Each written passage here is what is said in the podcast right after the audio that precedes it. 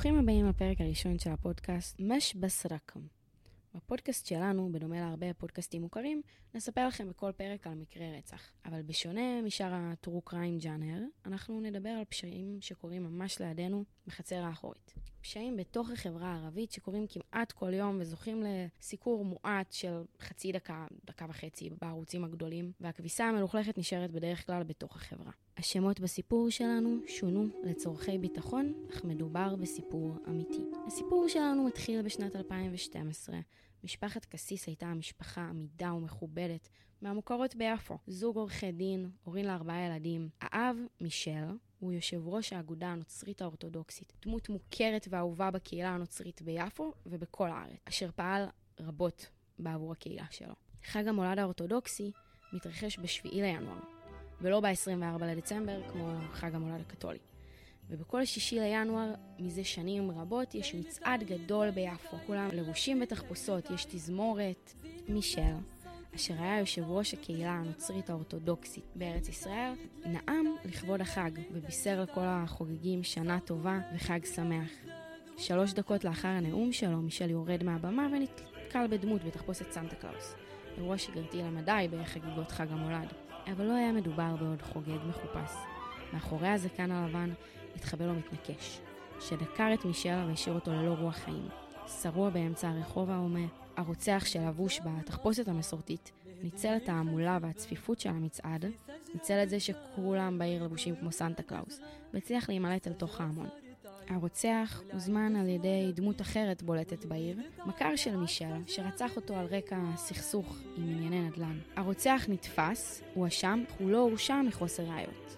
הקהילה כולה נשארה מזועזעת. ילדים ביפו מספרים כי שנים לאחר המקרה היו מפחדים מדמותו של סנטה קלאוס.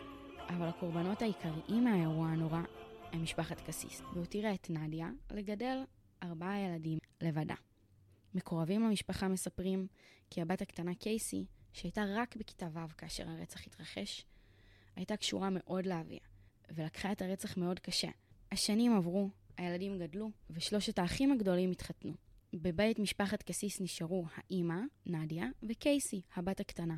היחסים בין קייסי לאימא שלה היו מתוחים.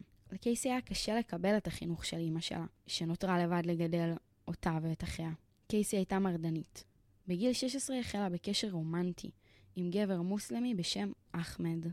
הקשר היה נחשב טאבו גדול. תחילת הקשר הייתה סוד מוחלט. זוגיות של נוצריה ועוד מאחת המשפחות המוכרות ביפו, עם מוסלמי, לא היה דבר מקובל בעיר. קייסי ידעה כי אימא שלה לא תיתן לה לצאת עם אחמד אם היא תגלה. במיוחד כשאביה המנוח היה ראש האגודה הנוצרית האורתודוקסית, וקיים חיבור עמוק בין המשפחה לבין הדת. השניים ידעו כי זוגיות כזאת איננה אפשרית, אבל בכל זאת המשיכו להיפגש.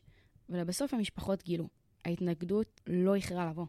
המשפחה של קייסי הודיעה לה שתפסיק את הזוגיות באופן מיידי, ונדיה, שהכבוד והמורשת של בעלה היו כל כך חשובים לה, אפילו איימה על אחמד. תקשיב לי ותקשיב לי טוב, כולכם שם, כולכם, כולכם. קודם כל אתם מדברים עם עורכת דין. אני מזהירה אותו במיוחד, ואת כולכם שיושבים שם, שכדאי לכם מאוד שהניידת לא תאסוף אתכם. כל הקטע של להיפגש, לא להיפגש, כן, היא בחרה, והיא בחרה במשפחה שלה, היא לא רוצה שום קשר איתו יותר, וסיימנו את הסיפור. ואני רוצה לראות מישהו יתקרב לבית ספר, או ישלח עוד פעם הודעות. כי חבל, חבל על כל מה שיקרה לכולכם שם. וזה האיום שיש לי להגיד לכם. מה שהוא כתב, יהרוג את המשפחה, לא יהרוג את המשפחה, יעלה לו מאוד ביוקר, יש לו מזל שיש פה רחמים עליו וכבוד לאבא שלו. השנה היא 2018. נדיה כבר בת 18 ועומדת לסיים את התיכון. למרות שבאותם ימים חיו רק נדיה וקייסי בבית, למרות הקרבה, הקשר בין השניים מעולם לא היה רחוק יותר. המצב לא השתפר כשנדיה דרשה מביתה שוב ושוב להפסיק לראות את אחמד, אבל שום דבר לא עזר. הזוג המאוהב המשיך להיפגש בסתר, לממש את אהבתם, אך נדיה ידעה על הכל. היא ראתה אותה בורחת מהבית, חוזרת בשעות מאוחרות. אבל מה שנדיה לא ידעה זה שמשהו נורא בהרבה עומד להתרחש. ושוב, משפחת קסיס תדע אסון. קייסי ואחמד חיפשו דרכים לברוח. לחיות את החיים שלהם ביחד רחוק מהמשפחות, רחוק מיפו, מקום שייתן להם לממש את האהבה שלהם ולחיות בשקט. לאחר שהבינו שהמציאות הזו היא בגדר חלום, הם החליטו לעשות מעשה. בערב השישי ביוני, קייסי חוזרת מבית הספר, מדברת עם אחמד ונותנת לו אור ירוק לביצוע המשימה. קייסי חיכתה לשעה שבה נדיה תישן. בשעה תשע בערב, היא מוודאת כי נדיה אכן ישנה. היא יורדת למטה ופותחת את וו הנעילה של הדרת האחורית בבית הגדול. הם חיכו לשעת לילה מאוחרת, שהרחובות יהיו ריקים, ובשעה שתיים ועשרים, אחמד מגיע מהכניסה האחורית, אחרי שהיה בהתחלה קצת מהוסס. הוא נכנס לחדר של קייסי עם סכין. היא רואה את פניו ואומרת לו, תעשה את זה. אך הם הבינו שזו עוד לא השעה לפעול. הוא נשאר איתה בחדרה והם חיכו שנדיה תתעורר. כאשר אמא של קייסי התעוררה, בשעה חמש וחצי, הוא מכסה את פניו בצעיף שקייסי הביאה לו. קייסי נמצאת בינתיים בחדר שלה ושמה מוזיקה חזקה באוזניות. נדיה מתעוררת ויוצאת אל המסדרון, שם נתקלת בדמותו של אחמד, עטוף בצעיף. היא צועקת לקייסי, אבל קייסי לא עונה לה. תיקח מה שתרצה ותלך, היא אומרת לו. אבל הוא בא לקחת רק דבר אחד. אחמד דוקר את נדיה פעמיים. היא מתמוטטת על הרצפה. הצעקות שלה לא עזרו, הבת שלה שמה מוזיקה חזקה באוזניות כדי לא לשמוע את אימא שלה צורחת בעודה מתבוססת בדם. הוא ממשיך לדקור אותה שבע פעמים, עד שידית הסכין נשברת. הם שמים את הגופה יחדיו באמבטיה, מכסים אותה בשמיכה, ולוקחים לה את כרטיס האשראי. אנחנו כבר בבוקר השביעי ביוני, לאחר שביצעו את הרצח האיום הזה.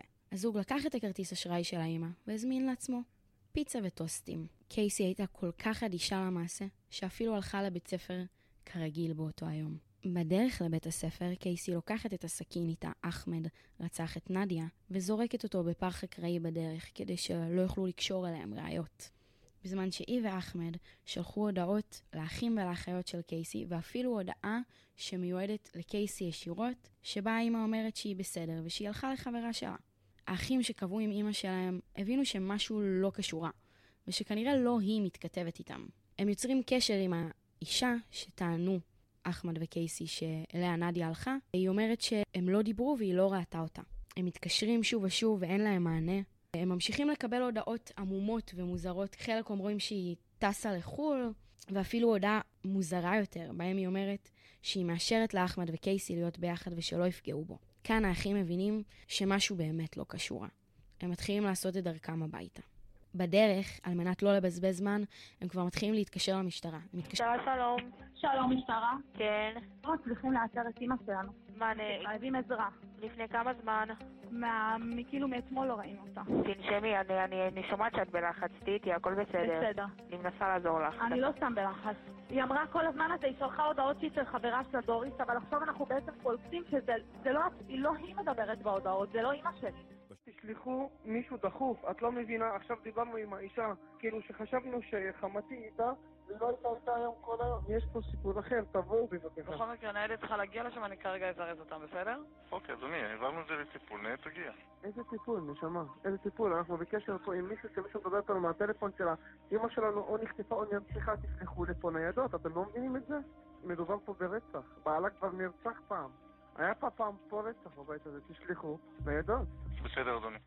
ערב השביעי לינואר, בערך בשעה שמונה, קייסי ואחמד נמצאים בביתה של משפחת קסיס. הם מתחילים לארוז תיקים לאחר שהזמינו מכרטיס האשראי של נדיה חדר בבית מלון בתל אביב. האחים של קייסי מגיעים אל הבית. הם מודאגים לגבי אמם. קייסי פותחת להם, אך רק לאחר שנותנת לאחמד לברוח מהדרך האחורית. בזמן הזה, קייסי מעמידה פני מודאגת ועוזרת לאחים שלה לחפש את אימא שלהם. היא משחקת את עצמה תמימה, כאילו היא לא יודעת מה קורה עם אימא, והיא לא דיברה איתה כל היום. כאשר הם עולים לקומה השלישית, הם מגלים באמבטיה את גופתה של נדיה. מה קרה? איפה את נמצאת? איפה את נמצאת? מה? איפה את? אוהב ישראל 18, מהר! איפה? באיזה עיר? ביפו, מהר! אמבולנס בדרך אליכם, זה חשוב. מה קרה לה? דקרו אותה? מצאתי אותה, סוחבת באמבטיה. בת כמה היא בערך? אתם תמיד עושים את זה? למה אתם תמיד עושים את זה? משטרה, אני שרות מתקשרת. חמודה שלי, היא מדממת למוות, לא נשאר בה כלום, היא כבר כחולה. היא לא נושמת. דקרו אותה בכל מקום, זה חסר סיכוי. היא דקורה? בכל מקום, בכל מקום, הם לא הכירו בה כלום. אתה יודע מי דקר אותה? כן. מי? מישהו שאחותי הייתה בקשר איתה, מוסלמי. בחור מוסלמי?